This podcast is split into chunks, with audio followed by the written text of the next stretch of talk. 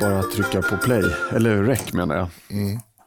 Ja, eh, det kan man göra för då kommer man liksom in i det på ett naturligt Det sätt. är inte så jäkla viktigt att det bara, oh, nu ni, ska ni vara välkomna till Utbildningsradion. Fast du, jag- jag vet, jag tipsade faktiskt dig om den här podden eh, Malcolm och Marcus. Mm.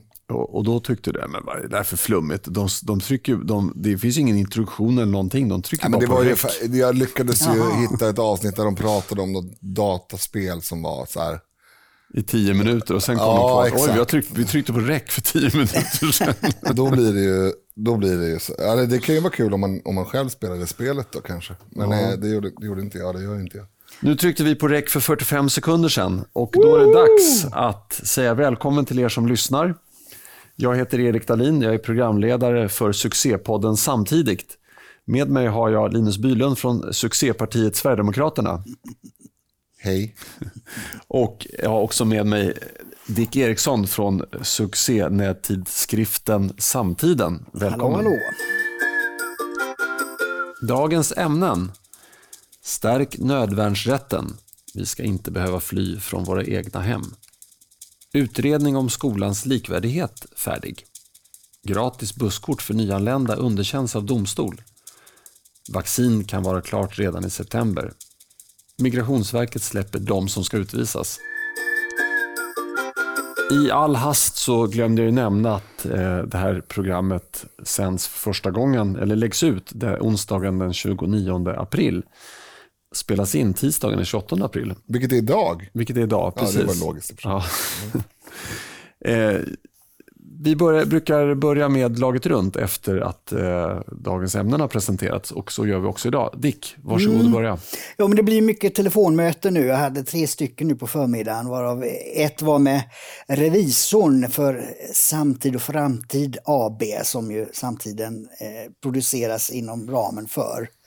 Och gick igenom årsredovisning och, och, eh, och sånt där. Och lite frågor och, och så, men det var, det var Du verkar vara på ganska gott humör. Så du verkar ha, Ja, Det, var, det var ju grönt. ju. Så att det var, det var ju skönt att få det avklarat. Det, det, det är en fördel med ekonomi. Man tar kalender och får kalender och sen när man har ju gått igenom det, revisorn och andra har granskat, då kan man släppa det.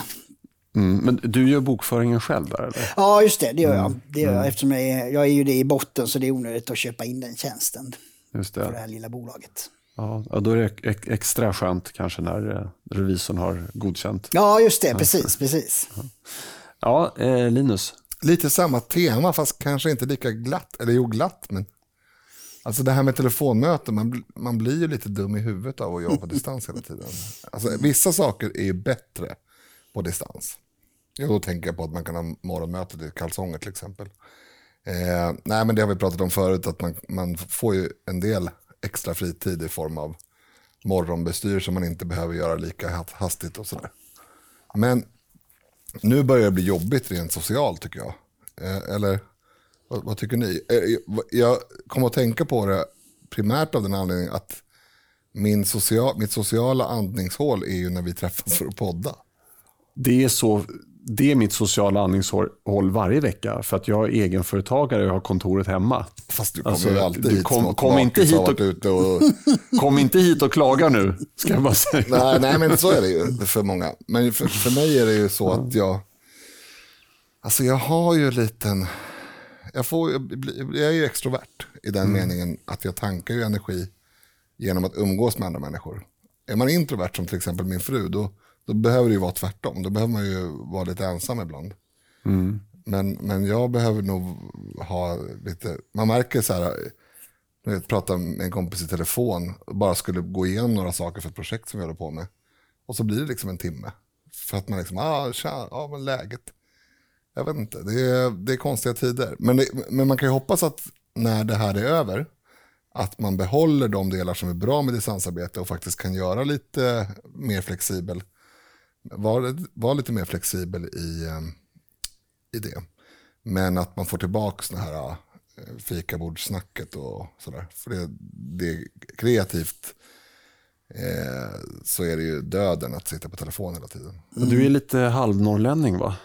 Sitta här vid fikabordet och Hej ta en kopp kaffe och kanelbulle. Jo, ja, men det är ju... Lju- jag är ju- ljuga- ljuga jag- lite. Jag är det. norrlänning, jag vet inte om det slår igenom på det sättet.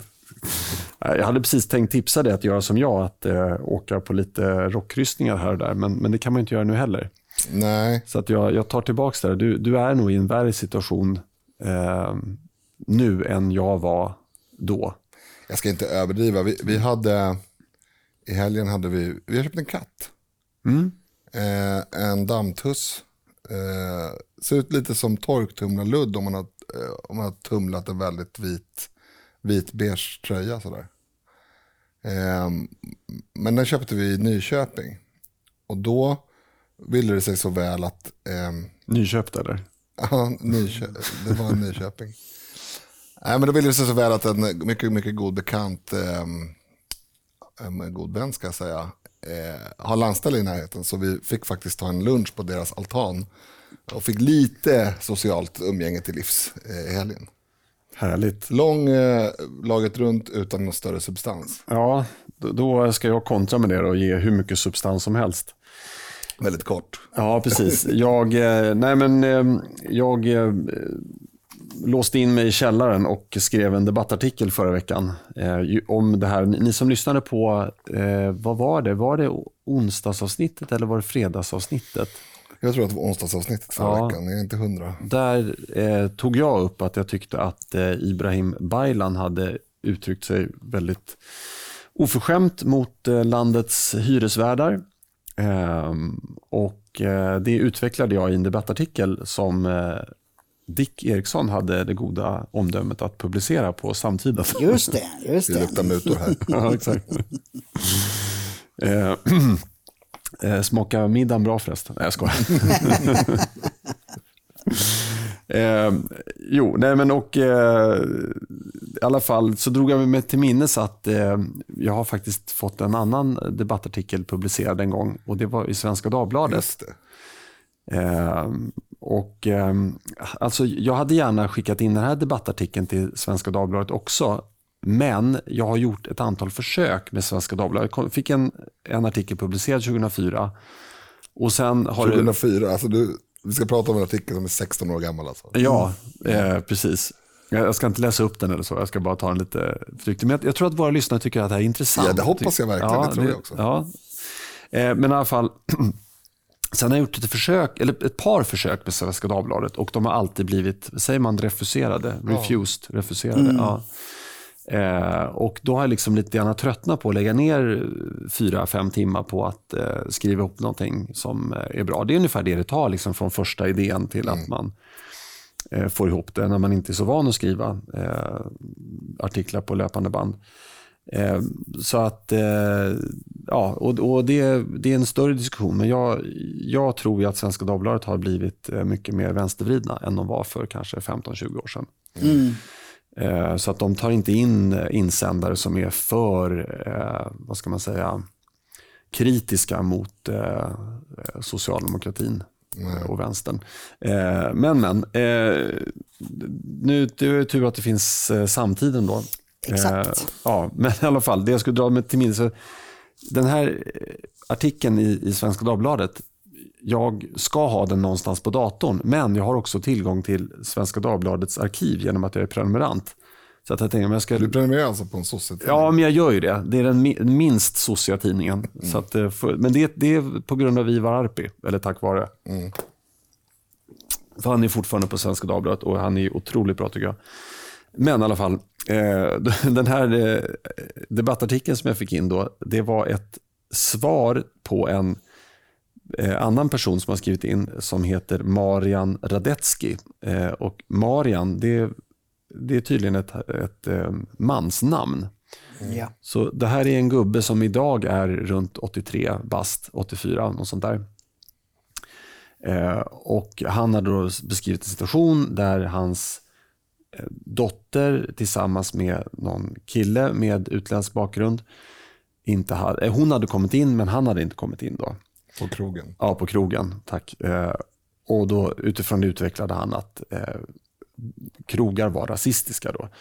Och då skrev jag en tes om att det, det är typ omöjligt att de är. Eh, därför att de vill tjäna pengar.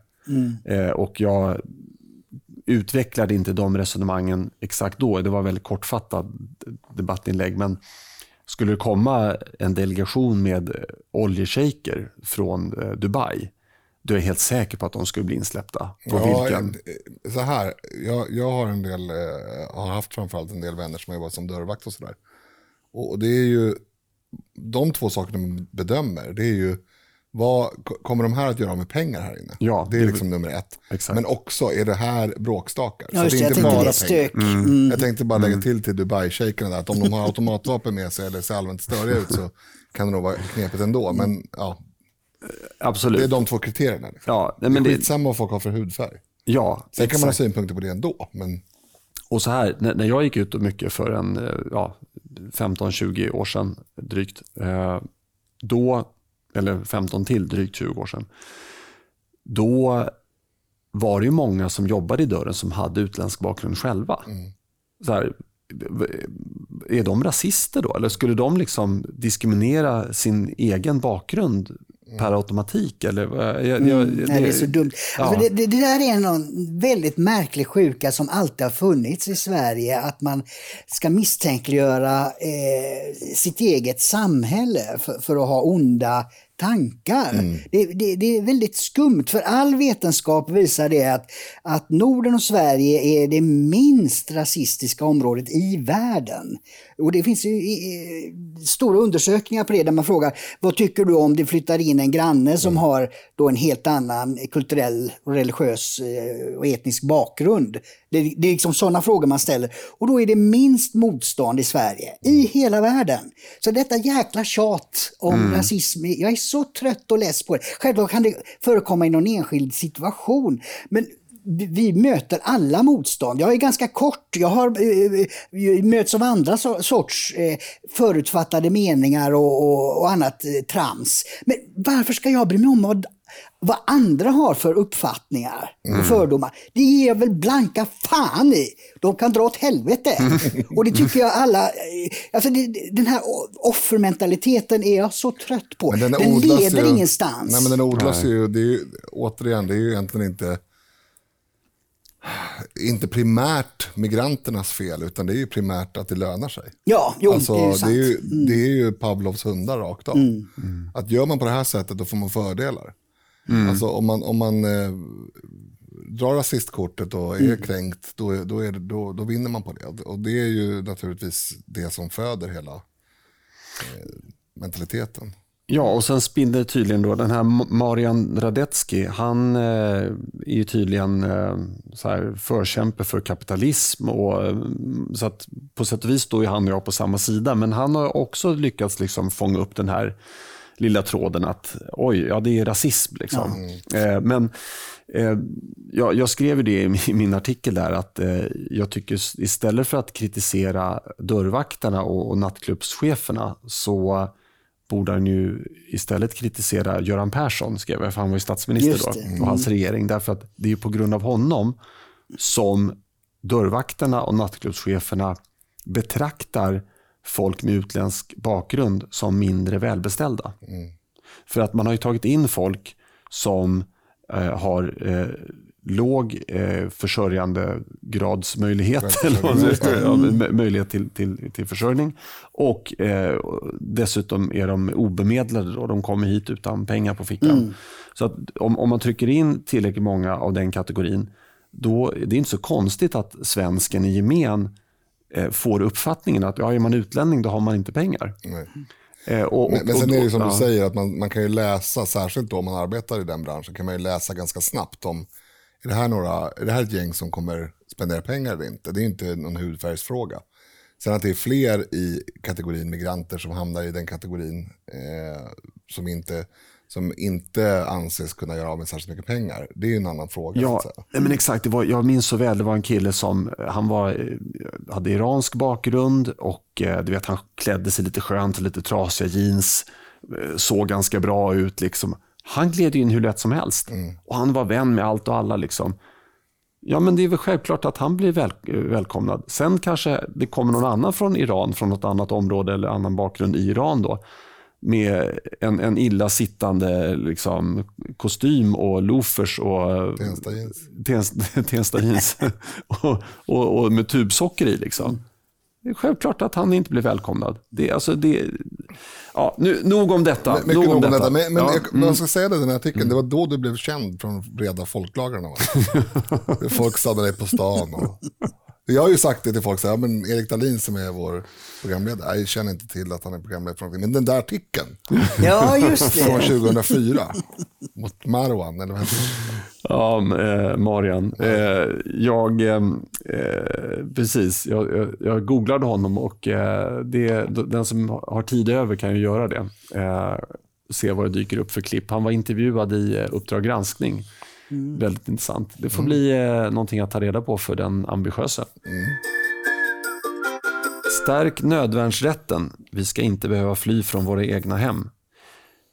Eh, Det var du som skrev en krönika i samtiden Dick med, det här, med den här rubriken. Ehm, Och den grundar sig i en nyhet också. Kan du reda ut det här lite? Just det, i måndags så kom, eh, eller i alla fall skrev Dagens Juridik, eh, nättidning, om hovrätts dom där en 44-årig man eh, döms till 18 månaders fängelse för vållande till annans död. Och dråp, var det inte det? Eller var Nej, det, nej, nej, nej, det var det andra. Det var det andra fallet. Ja, precis. Vållande till annans död. Vållande till annans död. Därför att eh, en eh, inkräktare, jag, jag kallar honom så, eh, som har trakasserat honom och en inneboende som han hade på gården i Dalarna var detta då, sommaren 2018. Och eh, eh, vid det här tillfället så hade han alltså eh, misshandlat den inneboende och eh, trängt sig in i, i huset. Och, och då hade den 44-åringen hämtat en älgstudsare. Eh, naturligtvis för, för att eh, hota honom med att han skulle lämna, men då eh, hade den här personen, uppenbarligen psykiskt sjuk, liksom eh, gått fram och tagit tag i geväret. Och då hade ju ett skott bränt av som han fick i magen. Och det överlever man inte. Eh, och då uppstår den här frågan som eh, med jämna mellanrum dyker upp i Sverige. Vad har man för rätt att försvara sig mot våldsverkare? Eh, och och eh, det är ganska dåligt skydd kan man säga. Det, det, det, eh, man har ju nödvärnsrätt. Eh, då har man ju rätt att eh, försvara sig, slå tillbaks när man blir misshandlad och så vidare. Och det finns någonting som heter nödvärnsexcess, det vill säga man får använda lite mer våld än vad nöden kräver. Eh, därför att man tar in det här med att man blir överrumplad, man blir skärrad, man blir rädd för att det inte är man själv som har tagit Den är ju proportionerlig till, Ja. det är en bedömningsfråga. Ja, men, men om till exempel om man har ett barn med sig så har man större så att säga, eh, rätt att, att överagera, att ta till Precis. mer våld än vad som krävs. Men det gäller, det finns ingen komponent när man blir angripen i sitt eget hem. Och jag minns det här Rödebyfallet 2006. Där liksom eh, en, en tonårskille, eh, en bland flera syskon i en familj, blir trakasserad av ett ungdomsgäng i, i den här, på den här orten under lång tid. Det var eh, polisanmälningar men varken polis eller socialtjänst gjorde någonting. Och det gör att det där gänget känner ju att de kan fortsätta. Så de har ju varit utanför deras hus på natten och hotat och dödat dem. Och då hade pappan tagit hagelgeväret, för det var ju barn, fanns ju barn i huset där. Och det är självklart att man som förälder vill försvara sina barn. Alltså det, det är det mest grundläggande som finns. Och då hade ju han bränt av eh, skott med hagelbössan. Dels mot eh, den som stod på farstun eller ut, utanför och så sen mot en, en som stod lite längre bort. Och han närmast dog ju då. Och då blev det ju ett väldigt uppmärksammat fall där. Det tog väldigt lång tid. Ja, eh, precis. Det, det var väldigt mycket eh, turer fram och tillbaks av, av olika slag där. Eh, men det slutade med då att han blev, han blev dömd till dråp då. Eh, och misshandel av den andra som skadades. Eh, men han slapp fängelse därför att eh, han, han hade ju medicinerat, så han, var- han var ju drogad. Och, och det ansågs ligga honom i fatet. Men om, om man har, tar medicin inför man går och lägger sig på kvällen, då vet man ju inte om att man ska bli trakasserad senare på natten. Nej, just det. Han hade gått och lagt sig eh, efter någon sömntablett. Mm. Ja, och, sen hade han precis. ändå, och då kan man ju vara ur, ur sina Precis, så då menar de att han skulle inte tagit tag i... Men jag kan tycka att det finns en, bara kommentera Mm. Rödöfallet, jag tycker, kan tycka att det finns en funktion med att döma men inte straffa Mm. i sådana här fall. Alltså för att eh, jag vet en, det här är väldigt anekdotiskt, men min far var, var nämndeman under väldigt många år. Och berättade om ett fall, och att jag säger att det är anekdotiskt beror ju på att han har berättat det för mig, och det var ganska många år sedan. Men om jag minns det hela rätt så var det en pedofil som hade gett sig på en, en mans dotter. Dottern kom hem och blödde i underlivet. Var, hon, var väl, hon var barn, alltså, ja, han var ju pedofil, så det var ju uppenbarligen. Men det var, ing, det var ingen tonåring eller så, utan barn.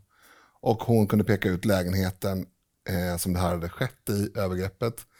Och pappan tog sig in, eh, såg att, sängen, att det fanns blod på sängen eh, och tog en stol från köket, slog den i golvet och använde ett av stolsbenen för att helt enkelt slå ihjäl gubben. Mm. Och han blev också dömd men inte straffad. Mm. Eh, och det, jag tyck, kan tycka att det finns en liksom, rätts... Jo, jo alltså, men det, det där är ju ett annat fall. För att eh, nödvärn är, ju, eh, har ju vissa begränsningar. Och dels det här med att, att man får använda mer våld än nöden kräver, men inte för mycket. Det, ska inte vara, det får inte vara uppenbart oförsvarligt, står det i reglerna. Sen är det det, nödvärn är begränsad tid. Alltså man får inte hålla, eh, söka upp någon som har gjort någonting så att säga, för då är det inte nödvärn längre. Utan det är just att skydda sig i den situationen som man befinner sig i. Ehm, eh, och, men det, det, så det, det finns vissa begränsningar där. Men det jag tycker saknas och, och som framgår i den här hovrättsdomen det är att hovrätten tycker, dömer honom därför att han borde flytt. Mm. Och det tycker jag är en ytterst besynnerlig uppfattning. Att eh, man har folk i huset som har blivit misshandlad och, och, och den här eh, inkräktaren går då på en själv. Att man ska springa ifrån sin egen bostad. Att svensk domstolsväsende, svensk rättsväsende anser att man ska fly från sitt eget hem. Jag tycker det är en väldigt juridiskt märklig hållning att, att, att, eh, att eh, kräva det. Ja, alltså tyvärr är det nog i värsta fall så att eh, domstolen inte har gjort några, något fel. Utan det är lagstiftningen som är fel. Ja, jo men så är det. Alltså det, det är det. Alltså de, det- den här med då uppenbart oförsvarligt har, och, och, och, och andra skrivningar i lagtexten ger inte utrymme för det jag skulle vilja se. Det vill säga att om det sker i ens egen bostad så finns det ingen begränsning på Nej, om, nödvärnsexcessen. så här, jag ska till, ett tillägg till det. Eh, om det sker i ens egen bostad stad och angriparen har tagit sig dit olovligen. Ja, För att man kan ju se en, en brist i en lagstiftning som skulle då säga att hemma får du göra vad som helst. För då kan du då mörda en besökare och, sen, och, så vidare. Men här är det ju, i det här fallet som vi tog upp nu, så är det ju belagt, det är ingen som har ifrågasatt i alla fall, att det är på det sättet att han har först trakasserat eh, den här inneboende och misshandlat den här inneboende. Sen har han eh, försvunnit därifrån, kommit tillbaka på motorcykel, som jag förstår det. Och det är då han hör det här och tar fram hagel, eller eh, älg, älgstudsen. Och då tycker jag att då är det uppenbart, han var dessutom drogpåverkad, vad jag förstår. Och psykiskt sjuk. Och då tycker jag att det är uppenbart att, att han, han är inte där inbjuden. Så att nej, säga. precis. precis. Och, och där går liksom, för, alltså det är lite som sexuallagstiftningen. Att liksom, eh, du, du får göra väldigt många saker om ni är överens, men du får inte göra saker om ni inte är överens. Samma sak är det här, att om du inte är inbjuden till någons hem, då får du inte heller gå in i det nej, hemmet. nej. Det, det, det kan ju potentiellt bli en bevisfråga. eh, Men, eh, Ja, jag menar det. Ja, det mm. var därför jag sa att ingen har lyft, vad jag förstår i det här fallet, att han skulle vara ditbjuden eller på något sätt ha rätt att vara där. Ja, precis. Utan han hade trängt sig på. Ja. Det är det som är... Ja, och i, ja, i nuvarande lagstiftning så tror jag inte nödvärnsrätten gör någon skillnad på om man inbjuder eller inte. För hemmet är, är precis jag- som jag filar eh, på ny. Kungsgatan. Liksom att, och, men jag förstår ju det, på Kungsgatan om man blir slagen på käften där så ska man inte eh, kunna döda den som har eh, slagit en så att säga. Det, det, där finns ju den Men i sitt eget hem tycker jag det är, är märkligt att, att, att göra några eh, begränsningar. Sen kan man tycka att hovrätten har kanske rätt i att han, han har inte skjutit något varningsskott. är En sån, sån sak. Men man vill ju gärna inte skjuta i han- taket i sitt eget hem. Då. Hade han haft tillgång till liksom en sån här beanbag-pistol, eller- alltså en sån här vapen som är tänkt att skada men inte döda, då hade han säkert använt den. Men, Mm. men det, har han inte en hel arsenal med olika icke-dödliga vapen så tar han ju hagel, eller återigen, älvstudsar. Mm. Nej, men alltså, jag jag, jag ehm, har skrivit upp en retorisk fråga här. Eh, som, allting, eller som mycket kokar ner till tycker jag. Vad händer om samhället har tagit på sig ett våldsmonopol men väljer att inte utnyttja det? Mm. Precis, just det, det, det, mm. det, är helt rätt. För det, det, det är ytterligare en punkt jag glömde skriva mm. ner. Hovrätten tycker eh, att han borde ringt polisen och då mm. skrattar jag till. Det mm. finns ju för 17 ingen polis, särskilt inte i, skogen i Dalarna. Så att, eh, det är ju helt Och det var ju det som jag tycker gäller Rödbyfallet också. Där hade de polisanmält flera gånger, mm. men polisen hade struntat i den här familjen. Ja. Och, och, Då finns ju inte rättsordning längre i Sverige och då måste man ha rätt att skydda sig själv och sina, det sina. Plus att det här är, alltså, om man ens eh, överväger att, att titta på nödvärnsrätten, då är det väl självklart att man inte kan ringa polisen. För det är ju det är några ögonblick som den gäller. Mm. Eh, det verkar jättekonstigt. Du skulle sprungit ifrån och ringt polisen. Mm. Eh, så otroligt märkligt. Mm. Nej, men alltså jag tycker när, man, när samhället nu har lämnat walkover i de här frågorna, ja, eh, då, då, tycker jag att eh, man kan ju få så här skatteavdrag för att eh, eh, få någon som kommer och klipper rosor och, och tar fram dammsugaren. Och, Rut, ja. ja, rut, ja, precis. Och sen så massa annat löjligt. Men alltså det, det som man verkligen borde skatta liksom inte, ja, faktiskt både subventionera, för RUT och ROT är ingen subvention utan det är bara en skattereduktion. Ja. För att den som utför tjänsten får samma pengar i plånboken ja. ändå. Eh, så, eh, men jag tycker man skulle kunna faktiskt subventionera om det är en familj som bor väldigt långt ifrån en polisstation eller för den delen någon, var, var som helst i landet egentligen vill bygga ett så kallat panic room. Mm. Eh, då skulle man ju eh, det, det, det, skulle vara en bra, bra lösning. För då kan ja, man fly byggandet tror jag man kan, byggandet kan du nog få subvention eh, på. Mm. Nej, skattereduktion, ja, exakt. Men jag tycker man ska, mm. skulle gå längre. Om det skulle kosta med rotavdrag 100 000 att bygga ett rum, då tycker jag ungefär som man, när man köper en elbil. Då, då går ju faktiskt staten in och betalar. Okay. Mm. Eh, och jag tycker att man, man skulle kunna få eh, alltså, subventionerat mängder av säkerhetsutrustning, alltså kanske staket runt tomten, kameraövervakning och så vidare. Nu när samhället har lämnat larm. Mm. Ja. För, tar du upp det här för att du har läst Sverigedemokraternas eh, lagförslag i frågan? Var det inte att larmutrustning skulle ingå i Roten. rot? Ja, men jag, ja, jo, men det, jag kan säkert ha blivit inspirerad där. Men, eh, jag men, undrar bara om du försöker ställa dig in. Eller? ja, exakt. Eh, du avslöjar mig. Eh, nej men, eh, för att det, det är ju, jag tänkte på det när du nämnde att, att han kunde fly. Mm. Ja, hade han haft ett panic room, Mm. som man kan köpa nu från Jan Emanuel. Han har någon firma som installerar för någon miljon säkert. Och så, där. så hade man haft den turen då så då hade man... Men det är också så här, varför skulle ja. det vara om det är en ensam drogpåverkad angripare, då är väl det rimligt att, att slå ner honom, alternativt skjuta honom. Varför jo, men man... har, har, har, du en hagelbrakare hemma? Jag har inte det. Nej, men jag har ett baseballträ. Ja, men då, då kan du inte kan Jag ska inte berätta någon. vad jag har för vapenarsenal hemma. Men, men alltså, jag, jag, jag är inne på det att alltså det är klart att är, är maffian ute efter en och det finns någon typ av poliskår, ja då kanske man kan springa in i ett panic room och ringa polisen. Men varför ska man ha en pundare springande i ens, i ens hus när man själv sitter inlåst. Det lär väl finnas värdesak. Alltså, vem vill springa in? Ja, och, i, och om det sker överrumplande då kanske man inte man får med alla i hushållet in i det där panikrum. Nej, och dessutom nej. kan vi kalla det för panikrum. Ja, just det. Ja, just det.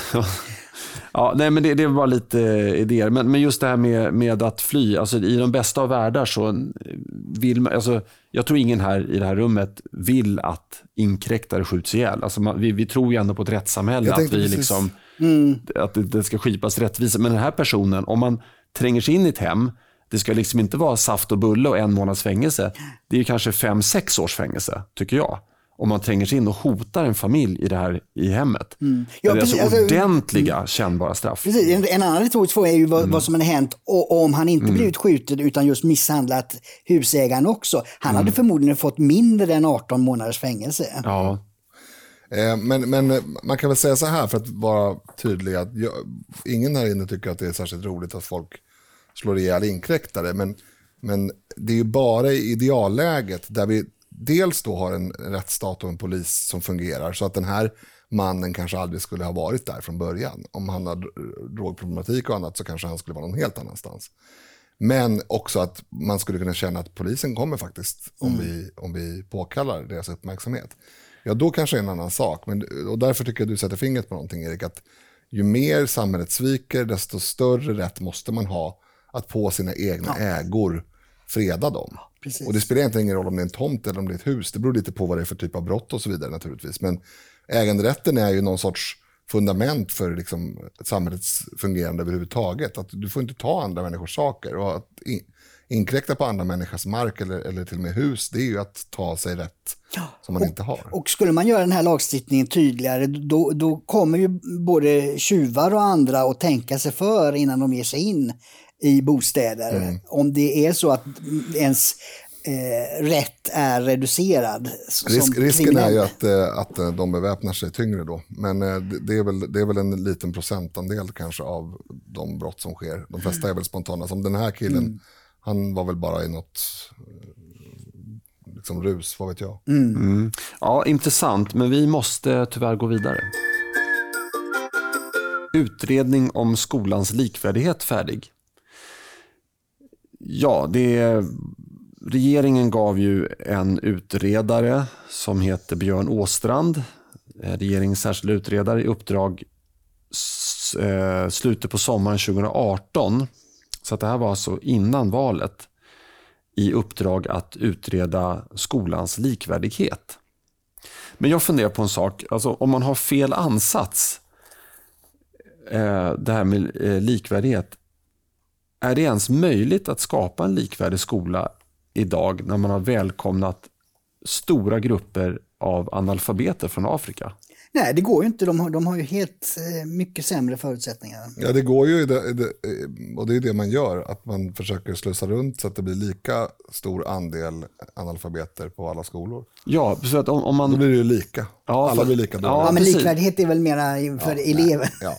Ja, precis. Och, och, Jo, men det, det påverkar ju väldigt mycket. Ja, men det, ja, och det sänker ju eh, kunskapsnivån på alla. Ja, det sänker- Eftersom och- och det sänker- tempot i skolan Alltså en sjunker. hög, andel, en hög andel, ska vi säga stökiga, snedstreck, eh, svårlärda elever gör ju skolan mindre att- attraktiv att jobba på som lärare. Så de bästa lärarna eh, hamnar kanske inte där.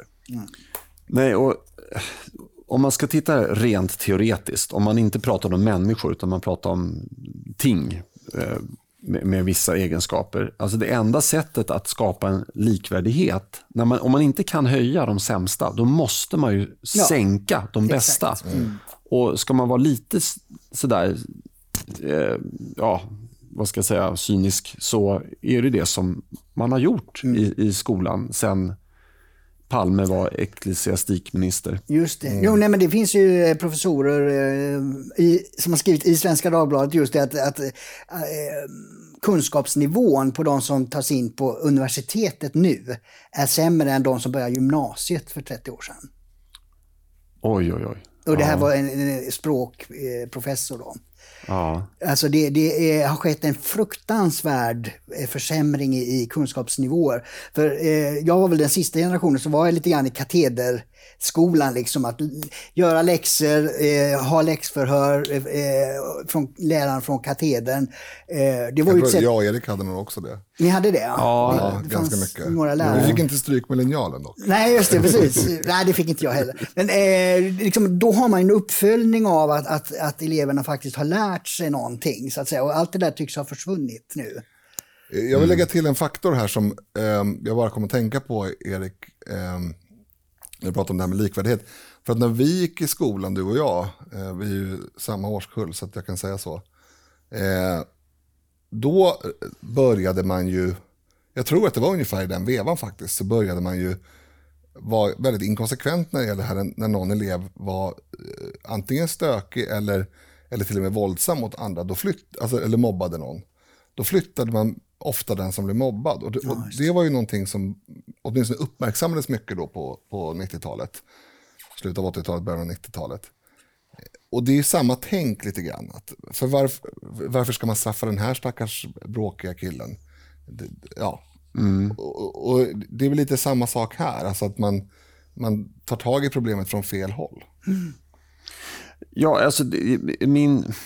Återigen, jag, jag, om, om, man nu, om man nu ger en särskild utredare uppdrag, hur skapar man en likvärdig skola? Alltså, det, det kanske inte ens går att göra inom skolans ramar. Nej, nej tänk att göra säga det att man ska göra, li, göra en likvärdig idrottsskola. Ja, Och att vi ska se till att alla elever springer lika fort. Ja. alltså det är en knasig, alltså det är, det är en socialistisk tankevurpa alltihopa. Alltså det smartaste, om vi drar, om vi drar den här löpskoleparallellen längre. Om jag, skulle göra, om jag skulle höja löparkunskapen eller löparhastigheten hos eh, svenska barn, då skulle jag göra kanske tio olika nivåer för skolor. Och så fick de som var på en viss nivå adekvat träning för sin nivå. Och precis samma är det ju här. Alltså, vi, vi behöver ju lösningar där det finns särskolor åt andra hållet. Alltså för, för eh, de som faktiskt hänger med och mer än så i dagens skola. Som, som behöver mer stimulans. Alltså vi kan inte ha ett system som, som i slutändan kommer resultera i att potentiella genier trycks ner i jämlikhets, jämlikhetens namn. Och, och, och blir inte Nobelpristagare fast de kunde ha blivit det. De kanske blir knarkare istället därför att understimulerade högintelligenta människor, det är inte någonting bra. Det det, nu säger det, jag kommer på, jag får leta reda på det, för jag tror att det finns en utredning som visar just det, att eh, man blir förvånad över att många av de som var väldigt stökiga var väldigt begåvade. Och de var alltså understimulerade. Och det var därför de bråkade. Och det, det är ju vansinnigt av ett samhälle att inte utnyttja... Vissa är bra på teoretiska kunskaper, andra är bra på att idrotta, andra är bra på praktiska hantverk. Och ingenting är sämre än någonting annat. Men vi är olika, vi har olika förmågor och kompetenser. Och då är det bättre att satsa på det vi är bra på än att, att säga att alla ska vara på samma nivå i allt. Ja, men det är ju den här tanken att den som inte då är på den högsta nivån, den är, blir då kränkt. Eller ut, Ja, det är det utpekad. som är tanken. Och, och så- är det ju inte. Alltså, så har det ju inte varit. I, alltså, jag hade, I min skola till exempel så hade vi ju, man, kunde, man fick mer eller mindre välja då om man ville gå särskild engelska eller vanlig engelska. Eh, Allmän engelska tror jag det hette. Jag valde allmän engelska, inte för att jag var särskilt dålig på engelska, för att jag var ganska lat. Men det var liksom min, det var ju mitt val. Eh, och hade jag valt särskild engelska då kanske jag hade fått lägre betyg därför att det, var ju högre krav och sådär. Jag tycker inte alls att det är fel att göra så. Jag, förstår inte, jag kände mig inte utpekad pekad för att jag gick på allmän engelska. Men, men jag, jag tror att eh, anledningen till att sossarna initierade den här utredningen för två år sedan då, tror jag inte var med omsorg av Linus Bylundare. Nej, Eh, utan jag, jag tror att det var omsorg om helt andra eh, kategorier av människor. Eh, och jag, jag ser det här, det är kopplad, jag ser det här helt och hållet kopplat till eh, migrationen. Eh, för att man ser nu hur det här PISA-testet till exempel, de som presterar bäst i PISA-testet presterar ungefär som vi har gjort tidigare. Det, det som är illavarslande är att de som presterar dåligt presterar så fruktansvärt mycket sämre än vi har och, gjort och de som var allra sämst. de var inte ens 10 med. procenten, precis, som presterar allra sämst, de var dessutom exkluderade från De testet. Vad var det du skulle säga? Precis, de var Ja. bortsorterade, men sen var det också 10% som var frånvarande. Var det det också? Ja, det dök upp sen. Det, det avslöjade de inte i samband med Man publiceringen. kan ju tänka sig att den gruppen ligger i de så att säga, lägre Exakt, exakt. Ja, och, men då är frågan så här, okej, om man får en person, eh, om en person får uppgift att utreda hur löser vi det här inom skolans ramar. Det är ungefär som att säga så här, ja men du har en bil med punktering, men ett, du får inte byta däcket. Två, du får inte laga däcket. Nej, det är som att säga Ja, att vi har ett badkar som rinner över här. Du ska lösa det men du får inte stänga av kranen. Ja, men exakt. Alltså, lösningarna kommer bli väldigt, väldigt krystade. Ja. men vi kan ta hink här, en hink. Och så kan vi vara, vi kan vara typ fem gubbar som springer fram och tillbaka och tömmer det här i ett annat avlopp. Eller vi kan, ja. Ja, det, det blir väldigt krystat. Det är precis det det här blir också. Det blir väldigt, väldigt krystat. För problemet är, alltså ska man lösa det här med, med likvärdigheten, då måste man komma åt segregationen. Och då måste man ett, stoppa asylinvandringen nu. Man måste repatriera dem som inte har anpassat sig och som vi liksom med, juridiska, med juridisk rätt kan repatriera. Och vi måste också, det här är väldigt kontroversiellt, men vi måste också öka incitamenten för dem eh, som har låg försörjningsgrad att skaffa så få barn som möjligt. Mm. Det är ett stort problem att människor och familjer med låg försörjningsgrad som bor i områden med låg försörjningsgrad skaffar många barn. Men har inte det med just invandringen att göra? För svenska Jo, jo. mammor är ju inte, har ju inte, föder inte så många barn. Ju. Nej, och det, kan, det kanske kan vara, men visst är det ett, eh, en familj eh, som inte försörjer sig själva lever på... på Ja, det, vi har ju ett helt sjukt system idag. Man får barnbidrag trots att man inte är medborgare till exempel. Varför skulle man få barnbidrag om man inte är medborgare? nej, det är sjukt. Och, och det, det är liksom... Det, det har tagits upp i andra poddar, så att det är väl inte helt eh, Vi borde ha ett flerbarnsavdrag för övrigt, inte Ja, ett flerbarnstillägg. Ja, men precis. Och det är så här... Eh, folk som kommer från väldigt dåliga förhållanden kommer in till Sverige. De tycker att det är en lyxtillvaro att leva på de här summorna som kanske en, en svensk familj inte skulle eh, Alltså, oavsett vad de med. tycker så kan man titta, om man tittar på levnadsstandard i det land som de kommer ifrån eh, och tittar på hur, hur de kan så att säga, höja den med vad vi då skulle betrakta som små, små medel, men de inte betraktar som små medel.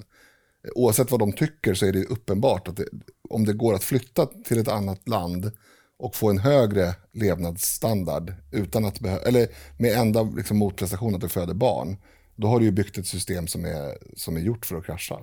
Ja, precis. Och, och, och jag tänker på det Erik sa. Alltså, om man vill ha likvärdighet, då måste man ju återgå till det Sverige var innan massmigrationen. För då var vi likvärdigt. Alltså då var Sverige ett homogent land med en, en befolkning som hade gemensam historia, en väldigt fattig historia. Och det var därför ingen ville komma hit. Det var kallt ute och, och, och, och materiellt fattigt. Då var det ingen som var intresserad av att komma hit. Men vi skapade välstånd och utvecklade det här samhället till, till, till en hög nivå. Och då har andra velat komma hit och dra nytta av det.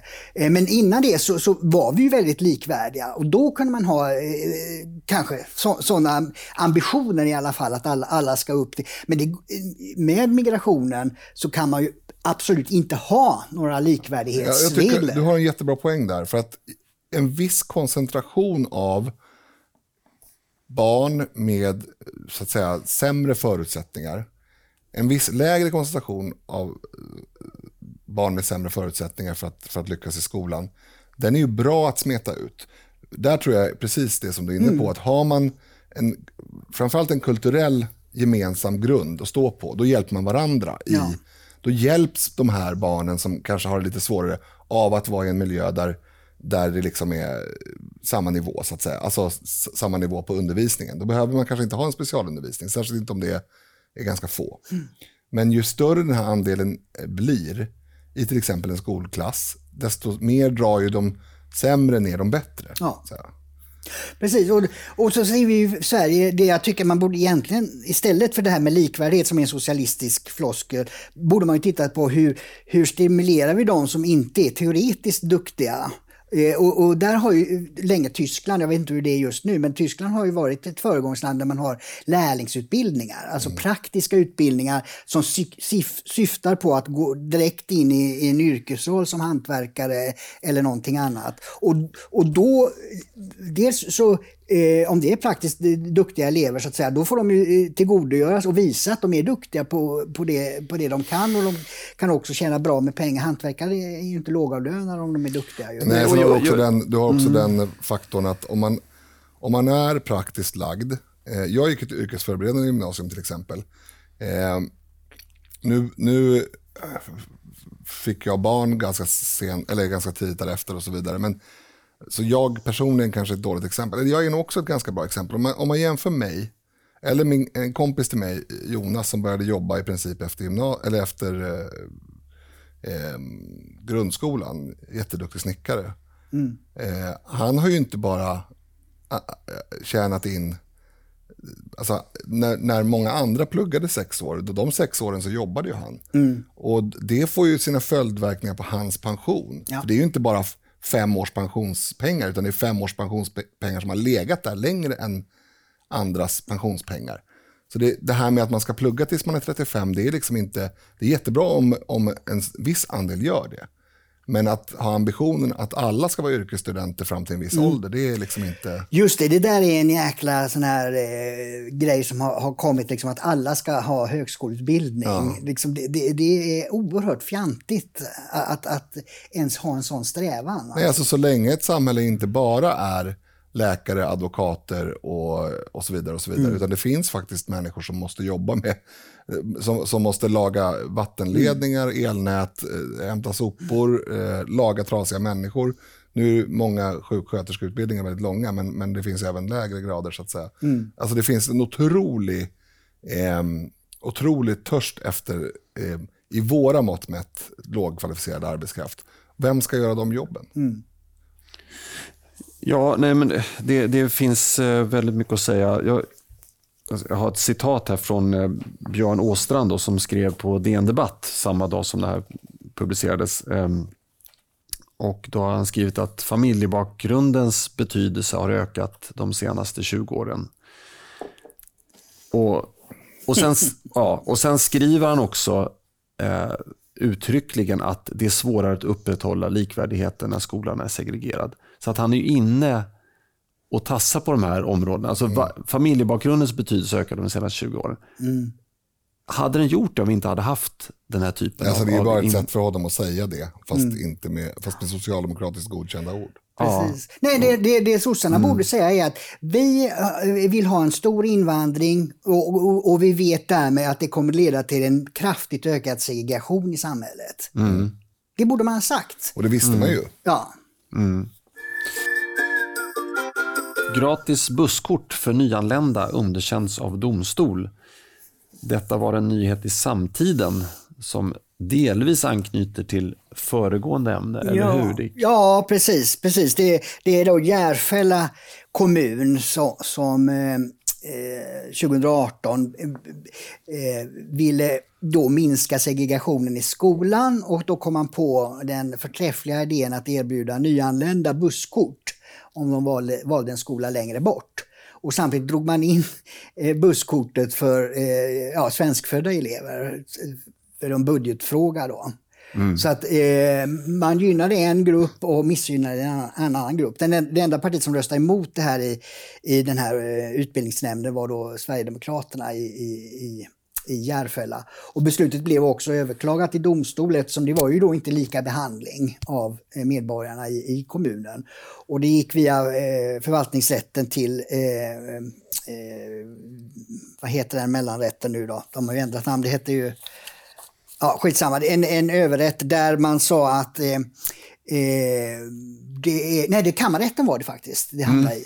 Eh, där man sa att det här är, är inte lika behandling. Att man, man kan inte ge eh, förmåner eh, för en viss kategori eh, elever. Så att man eh, konstaterar att Järfällas kommun, där då både borgerliga och rödgröna partier har röstat för det här, konstaterar att det var olagligt. En fråga här som du kanske inte kan svara på. Eh, Var det här busskort av typen dygnet runt eller var det skolbusskort som bara gäller mellan vissa tider? Vet du? Nej, jag vet inte hur omfattande... Nej, men det sätter ju fingret på en, eh, på en problematik det här att, att man, man tror att man ska be- behandla vissa grupper med någon sorts silkesvantar och andra grupper illa. Det är otroligt märkligt. Det var ju tur att, de blev, att det blev ogillat här. Ja, att, precis. Att, att inte dela ut gratis busskort tycker inte jag är att behandla någon illa. Eh, min, nu ska vi se här, Nu kommer något farmor. farfar. Ja, precis, antingen var det min farmor eller så var det min, någon, någon, något syskon till min farmor som gick sju kilometer till skolan varje dag. Men de bodde I en också- enkel väg. De bodde också i en kartong på motorvägen. Ja, de, bodde, de bodde på en ö i Roslagen. Nej, men, Men- alltså, men jag, alltså, tycker, så här, vi- nej, men vi- jag tycker ja, att det är mm. rimligt att eh, om, om man vill ha, om man vill att det fria skolvalet ska vara fritt, alltså att, att eh, elever ska kunna välja, men jag vill gå i den här skolan, eller i samråd med föräldrarna.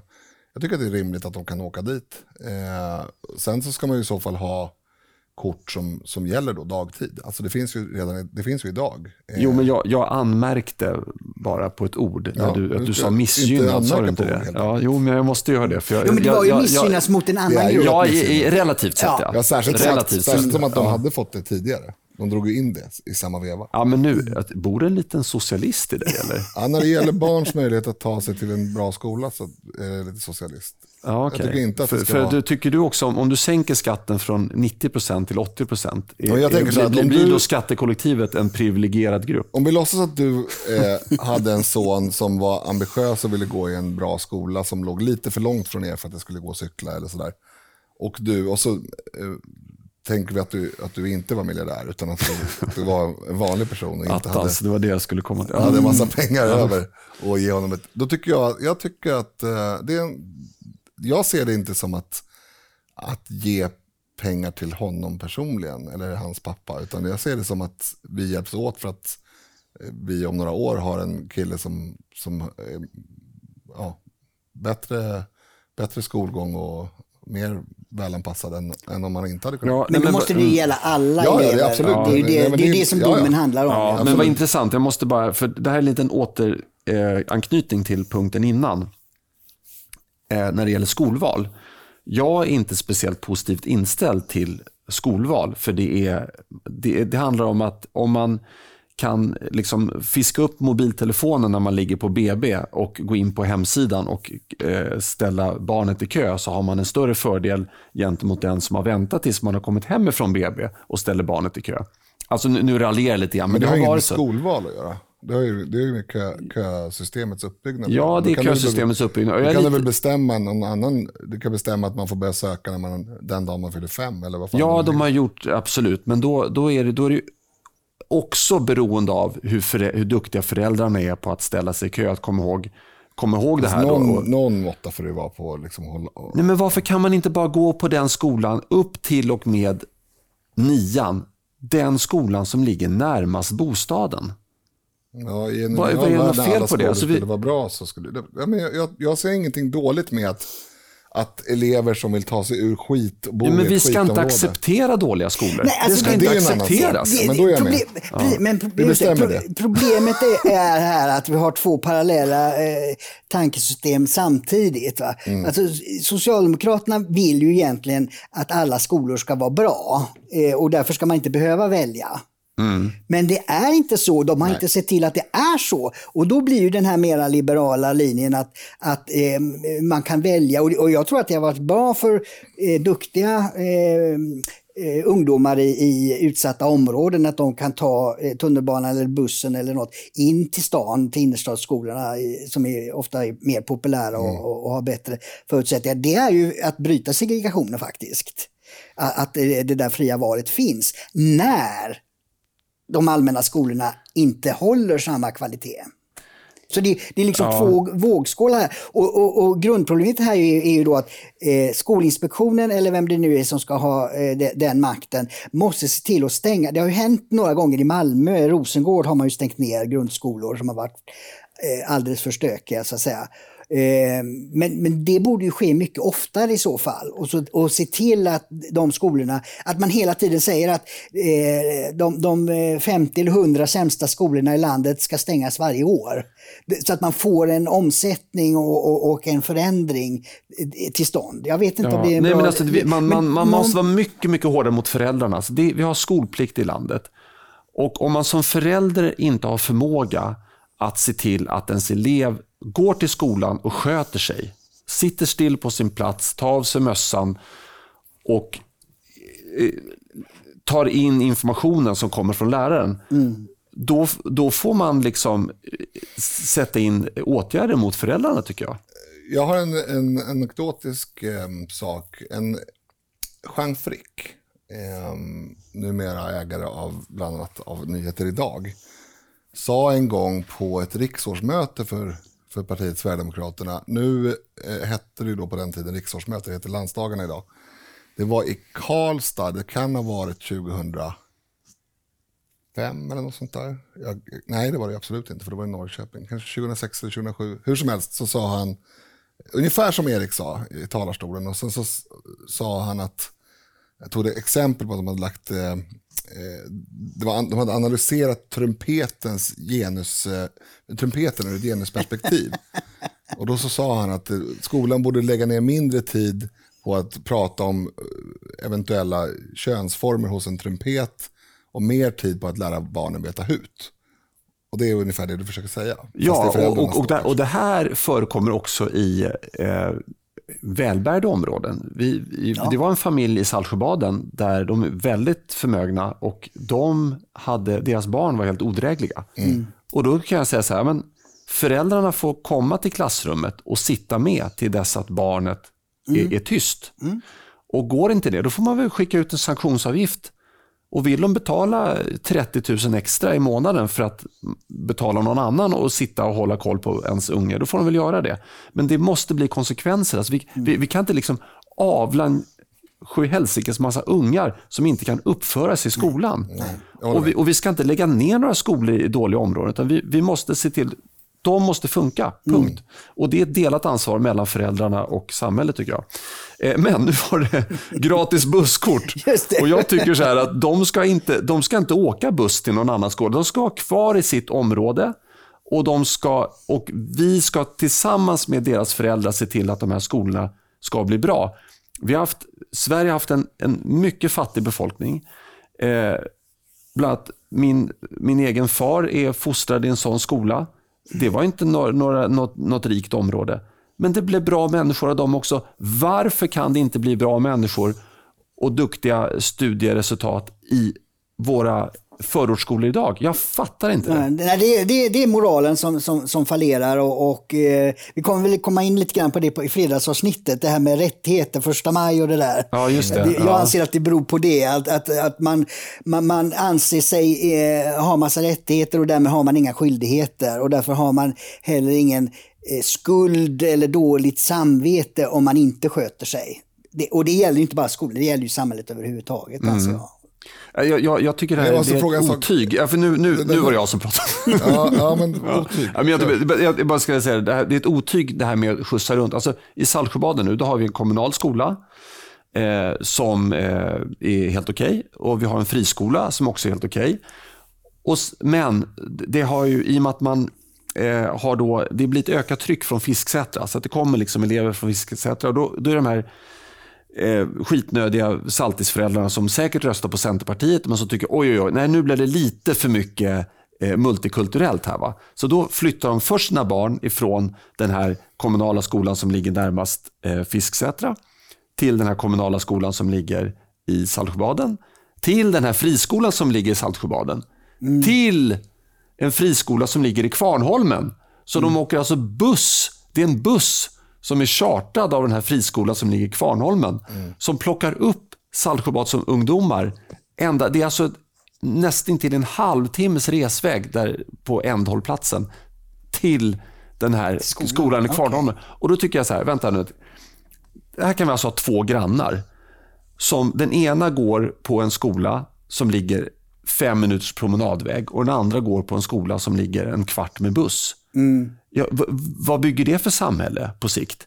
Man, man måste ju ha en sammanhållning, man ska känna varandra, man ska gå i samma klass, parallellklass och, och så vidare. Vi kan inte hålla på och skjutsa runt våra ungdomar. Ja, det. nej, men Där, där, där har du faktiskt, och precis, särskilt i grundskolan, gymnasiet blir ju en annan sak. Ja, gymnasiet. Ja. Men jag, jag, jag tycker vi kommer från ämnet lite. Det blev intressant ändå. Eh, Nej, men det här handlar ju om, om eh, Bussningen. och oavsett om, man, Ja, jag vet. om Men skolan jag- pröjsar. jag är eller- inte klar. Nu får du ta nu, nu är jag som är tyst. Jag tolkade den här nyheten och vår diskussion om det som att vi skulle prata om allmänt förmånen till nyanlända. För, för jag menar att det är ganska enkelt. Alltså, nyanlända, de kan för det första inte prata svenska. För då är de inte nyanlända. Alltså man lär sig inte språket på liksom, några veckor. Eh, de ska ju då möjligtvis ha en, en eh, nu tänkte jag använda ett engelskt ord, men det ska jag inte göra, en rimlig chans att ta sig till SFI-utbildningen. Där de ska lära sig svenska tills den är fullgod för att de ska kunna, och sen, sen ska ju de ha samma rättigheter som alla andra Och skyldigheter. och skyldigheter. Absolut. Vaccin kan vara klart redan i september. Eh, det är vaccin mot corona och inte mot socialism dessvärre. eh, men eh, det här var lite grann din eh, baby tänkte jag säga, din bebis Linus. Du får ändra, precis, du kan inte säga baby, du får säga bebis om nyheten. Exakt. Ja. Nej, men jag läste att ehm, ja, det finns en massa nya uppgifter om olika virusprojekt eller olika va- vaccinsprojekt eh, runt om i världen. Och det, det har ju sagts då 12 till 18 månader eh, under ganska lång tid. Eh, men sen har det funnits de här artiklarna att ja, Israel är snart färdiga med ett vaccin och så vidare. Men jag har inte riktigt tyckt att de har varit så trovärdiga. Och, och vad är färdigt så att säga? Alltså färdigt för en, en eh, person kanske inte är färdigt för så att säga, världsmarknaden. Alltså färdigt i ett labbhänseende, de som utvecklar, de, de kanske menar att det är färdigt när det, det finns ett vaccin. Men det är ju, och det har ju också någonting som man har fått sig till livs under den här krisen, att ett vaccins framtagningstid är ju i väldigt stor utsträckning de olika testerna man måste göra. Ja, att, att det inte finns biverkningar Att det inte finns en massa biverkningar. Och, och det, beror, det beror lite på, vi ska inte gå in på, på liksom, eh, de här eh, eh, hårklyverierna allt för mycket, men det finns ju två typer av vaccin. Och det ena är ju där du tar antikroppar från, från eh, djur. Alltså du, du, eh, am, du ger smittämnet till djur. Det, jag vet inte om det är olika beroende på vilket djur och så vidare. Men första vaccinerna som gjordes var väl på gris jag för mig att jag läste. Fladdermus va? Fladdermus. Skitsamma, då är det ett biologiskt, en biologisk antikropp som du så att säga... Nej, det är det inte alls. Det är, det är själva viruset som man avdödar och ger till människor så att man själv, ehm, så att man själv utvecklar antikroppar. Trots att smittoämnet egentligen inte är farligt, men det är tillräckligt likt för att man ska och så vidare. Och så finns det ett annat då som är RNA-vaccin som är mer att man härmar rent ehm, rent, eh, vad heter det, syntetiskt härmar hur smittämnet ser ut. Och det är mindre, jag skulle komma till att det är mindre testtider på det, för det är mer rent inom citationstecken. Ja, ja. Hur som helst. Nu påstår de att, att det kan finnas ett, eh, eh, ett vaccin redan i september. Eh, och, det finns flera sådana uppgifter från flera håll, men jag läste något från, från Oxford eh, något forskarlag där som har fått en massa pengar för att göra det här. Och e-, egentligen inte det nyheten som jag vill prata om. Eh, så att all den här bakgrundsfaktan fick ni bara fast ni inte bad om det. Och det var knappt, fakta, det var lite luddigt, men skitsamma. Om det nu är så, vi, vi, för, för en stund så låtsas vi i alla fall att det här är helt sant. Det kommer finnas ett vaccin på världsmarknaden om bara tre fyra månader. Det jag tyckte var intressant med det, det är att då blir ju Sveriges hittillsvarande strategi ännu mer märklig och dålig än vad den hade varit annars kanske. För att om vi låtsas nu att vi får bukt med den här smittspridningen i Sverige, vi har offrat då ett antal tusen personer. Ehm, det, det ska jag säga, att det tycker inte jag att man har offrat på en strategi utan på slarv. Eh, därför att i strategin måste det rimligen ha in, ingått att skydda riskgrupperna och det har man inte gjort. Så att man har inte följt sin egen strategi. Men, men det är en annan femma. Poängen är i alla fall att man har offrat oproportionerligt många fler liv än våra grannländer och man kommer få ett slut på pandemin och flockimmunitet samtidigt, det vill säga i september. I teorin.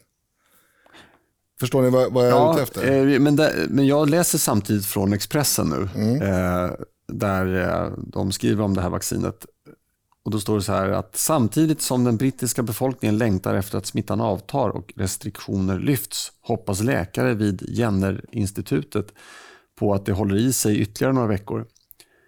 Vi är den en, de enda människorna i landet som vill att antalet nya infektioner upprätthålls i några veckor så vi kan testa vårt vaccin, säger professorn jag Adrian Hill till var, New York Times. det var väl ganska sympatiskt. Jag tror han sa det med en annan- tonläge än du gjorde. Eh, men i text så är det sak. Jag, jag tror han menar att ja, det, det är klart att vi vill ha slut på pandemin, men för att vi ska kunna utvärdera någonting så måste det vara någorlunda jämn.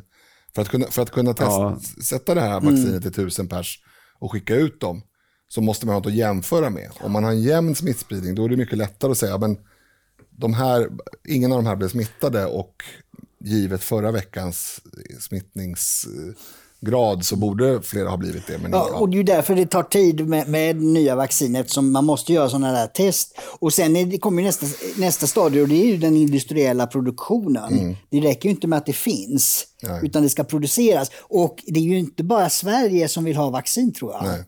Så att, Nej, men det var eh, därför jag det- sa, det- vi låtsas att alla får det samtidigt i september. Det är ju otroligt det- eh, det heter inte- även om man- önsketänkande. Men, Precis. Det, men jag, det, jag menar bara så här att strategin att låta, att låta människor bli sjuka och sen få igång samhället igen, den, den bygger ju någonstans på att det inte kommer ett vaccin förrän kanske september 2021. ja. För, och då är den kanske vettig, förutom det här med att man inte kunde hålla smittan ute från äldreboendena, vilket jag fortfarande, eller jag kommer vara väldigt eh, arg över under väldigt lång tid, kan ni räkna med. Men mm, för det hade man faktiskt, där vidtog man inga åtgärder. Man hade kunnat sagt på en gång att från och med nu så jobbar personalen på boendena. De får betalt för det. De, går, de sover där. Och så vidare. Och så vidare. Ja, det är väl förmodligen det som hade krävts. För att Ja, det, är klart att det var det som hade krävts. Och det, hade varit lugnt. I För äldreomsorgen att är- det handlar bara om pengar. Ja, det är bara att säga att alltså, de miljarder, hundratals miljarder som vi satsar nu på att rädda, på att rädda liksom, företagen och annat. Mm. En liten, liten del av dem hade kunnat gått till dygnet runt-löner Mm. hos människor som var friska och kunde jobba med äldre. Istället för att springa hem, träffa sin familj, springa till Konsum och gå tillbaka till äldreboendet. Alltså 10 pers varje dag på ett Mm. äldreboende. Det är klart att du inte håller smittan ute. Det är självklart. Och skyddsutrustningen dessutom. Som inte fanns. Nej, just det, precis. Så att, att, att man skulle skydda, det sa man från början, att skydda riskgrupperna. Det gjorde man inte.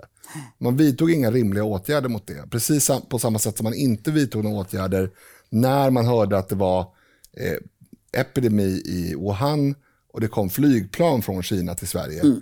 Det struntar med, eller Iran som var hårt drabbat då. Nej, precis. Eh. Nej, och det har ju avslöjats också att det var ju SKR då, alltså eh, Sveriges kommuner och kommuner och landsting. region, ja, landsting heter det, för, för, med regioner då, som ville skriva ner vilken grad av skyddsutrustning personalen behöver. Ja.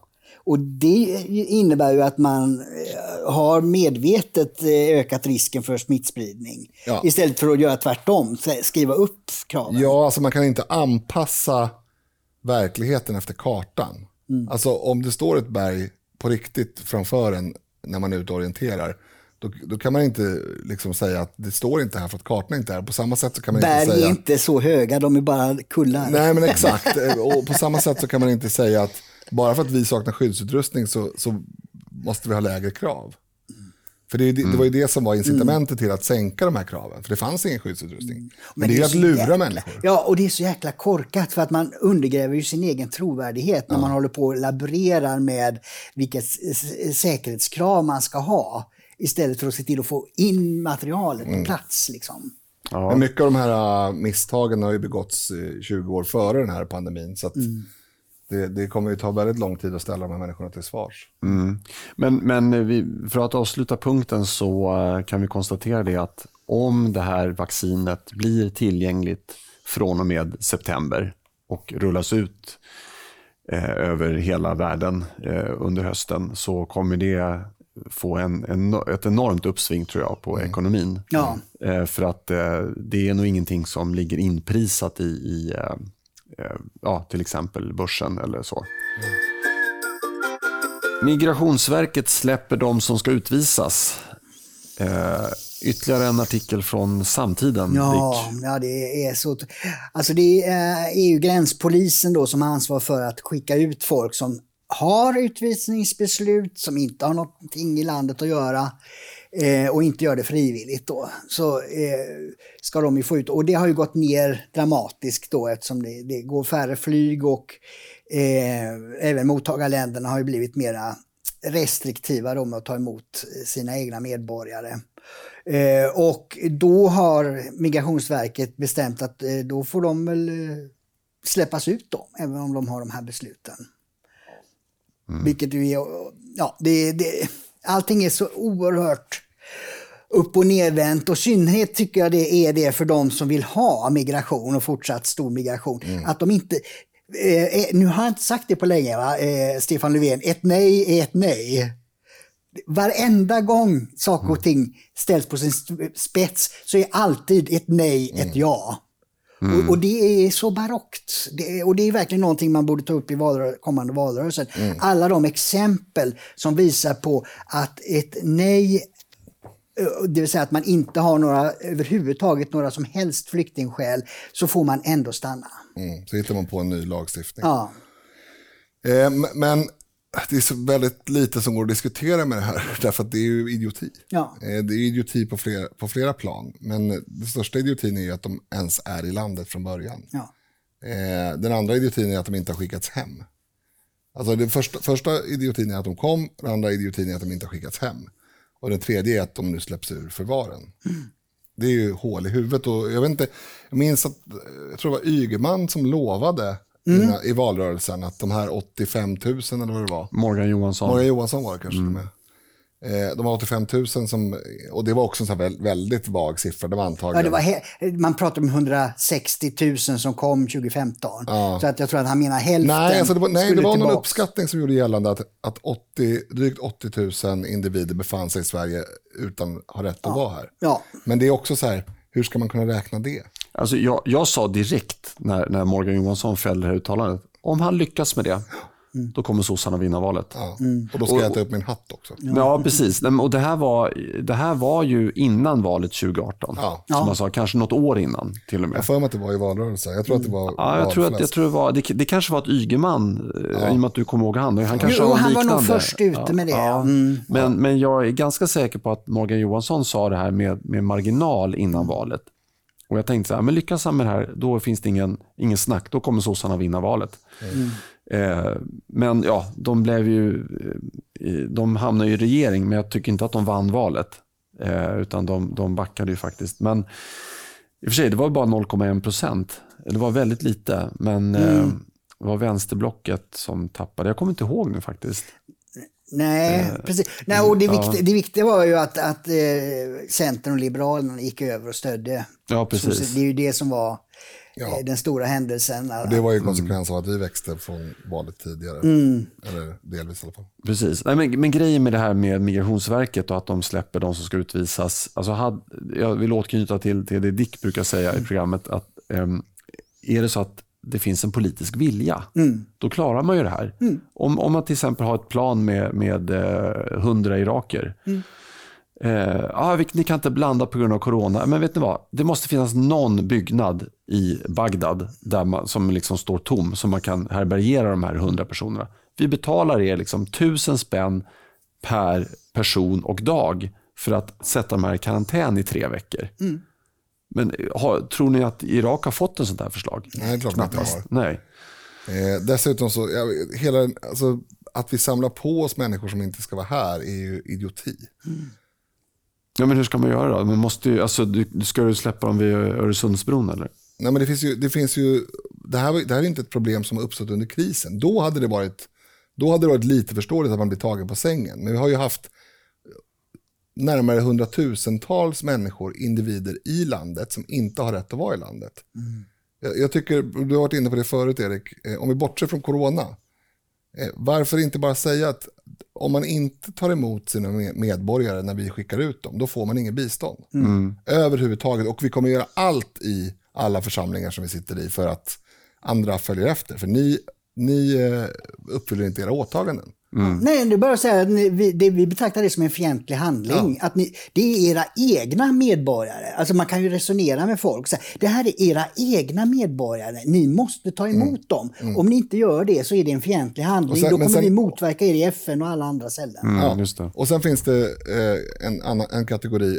Ja, jag kan säga till eh, lyssnarna att det har mullrat lite här. Eh, från och till under, under inspelningarna. Det, det sprängs eh, utanför. Om ni, om ni undrar, det är inte min mage som kurrar. eh, men men den, det finns ju en kategori där de påstår sig vara från någonstans. Och det går inte att belägga. Eh, och den, den staten säger, nej det där är inte vår snubbe. Liksom. Eh, och då får man gå den här vägen som, som Sverigedemokraterna har föreslagit, att man köper helt enkelt förvarplatser i till exempel Ryssland eller Baltikum eller vad det nu kan vara. Och så säger man, vi betalar för uppehälle här, alltså en brits och skål ris eller vad det nu kan vara, skäligt. Men ändå inte något nå flärd. Och, och, sen så har ju de all rätt att lämna därifrån. Mm. Men de får ju lämna då, eh, det, till, åka till det land som de kommer ifrån. Eh, så att det går ju att lösa, det, det allra mesta i alla fall. Mm. Mm. Då bara man vill. Då har jag ett tråkigt meddelande till alla som tyckte att dagens avsnitt var givande. Det är nämligen slut nu. Mm. Men jag har ett glädjande meddelande till de som inte tyckte att det här var ett bra avsnitt. Det är slut. det är slut. Ja, nej men eh, tack till er som har lyssnat. Tack till alla er som har hört av sig på mail. Nu när jag har fått en inloggning till mejlet som jag fick för ett par, tre veckor sedan. Och sånt där, så har du fick jag... den igen också häromdagen. Ja, precis. Jag glömde bort lösenordet. Mm. Vad var det nu igen? Jag. eh, säg det i radio för guds skull. Nej, men, eh, då eh, har jag gått in och svarat på lite mejl och jag, jag, ska bli lite duktigare på det och göra det. Men, men eh, som en brasklapp kan jag säga det, blir det för mycket mejl så kommer inte jag hinna svara. Och svarar inte så beror det inte på att, jag inte vill, att vi inte vill ha mejl utan det är bara en tidsbrist helt enkelt. Men eh, som ytterligare tack till er som har mejlat in vettiga grejer och ovettiga också för den delen så ska vi ta upp lite lyssnarfrågor på fredag. Och nu kan jag, nu kan jag faktiskt lova att vi kommer ta upp eh, ja, lite lyssnarmejl. Vi hann inte med förra gången. Nej, vi har varit lite slarviga på det där. Eh, men det ska vi göra nu på fredag. Eh, och eh, Jag vill också tacka till er som har hittat andra kreativa sätt att göra reklam för podden än att dela i sociala flöden.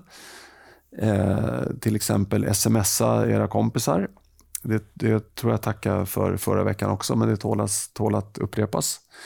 Är det någon som har eh, anammat den där idén om att ha en sån här sandwichskylt med det står fram, fram och bak på magen och ryggen att man ska lyssna på samtidigt? Nej, faktiskt inte. Men, men eh, gör ni det så måste vi faktiskt kunna ge någonting tillbaka. Vi, vi, vi får fixa få... någonting. Men skicka in foton på när ni gör reklam för samtiden på olika sätt. VIP-kort på vårtalet kanske? Ja, just det. I år blir det nog svårt. Då. Det blir någon typ av digital. Ja, just det. Tänk, jag tänkte jag inte på. Jag, le, jag lever ju som jag alltid har gjort. Jag har kontoret så hemma. vi åter. Ja. Eh, nej, men, eh, tack också till er som har eh, medverkat här, speciellt mig själv. Jag gjorde en tack. väldigt bra insats idag. Tack Linus Bylund, tack Dick Eriksson. Tack. tack på återhörande. Hej. Hej.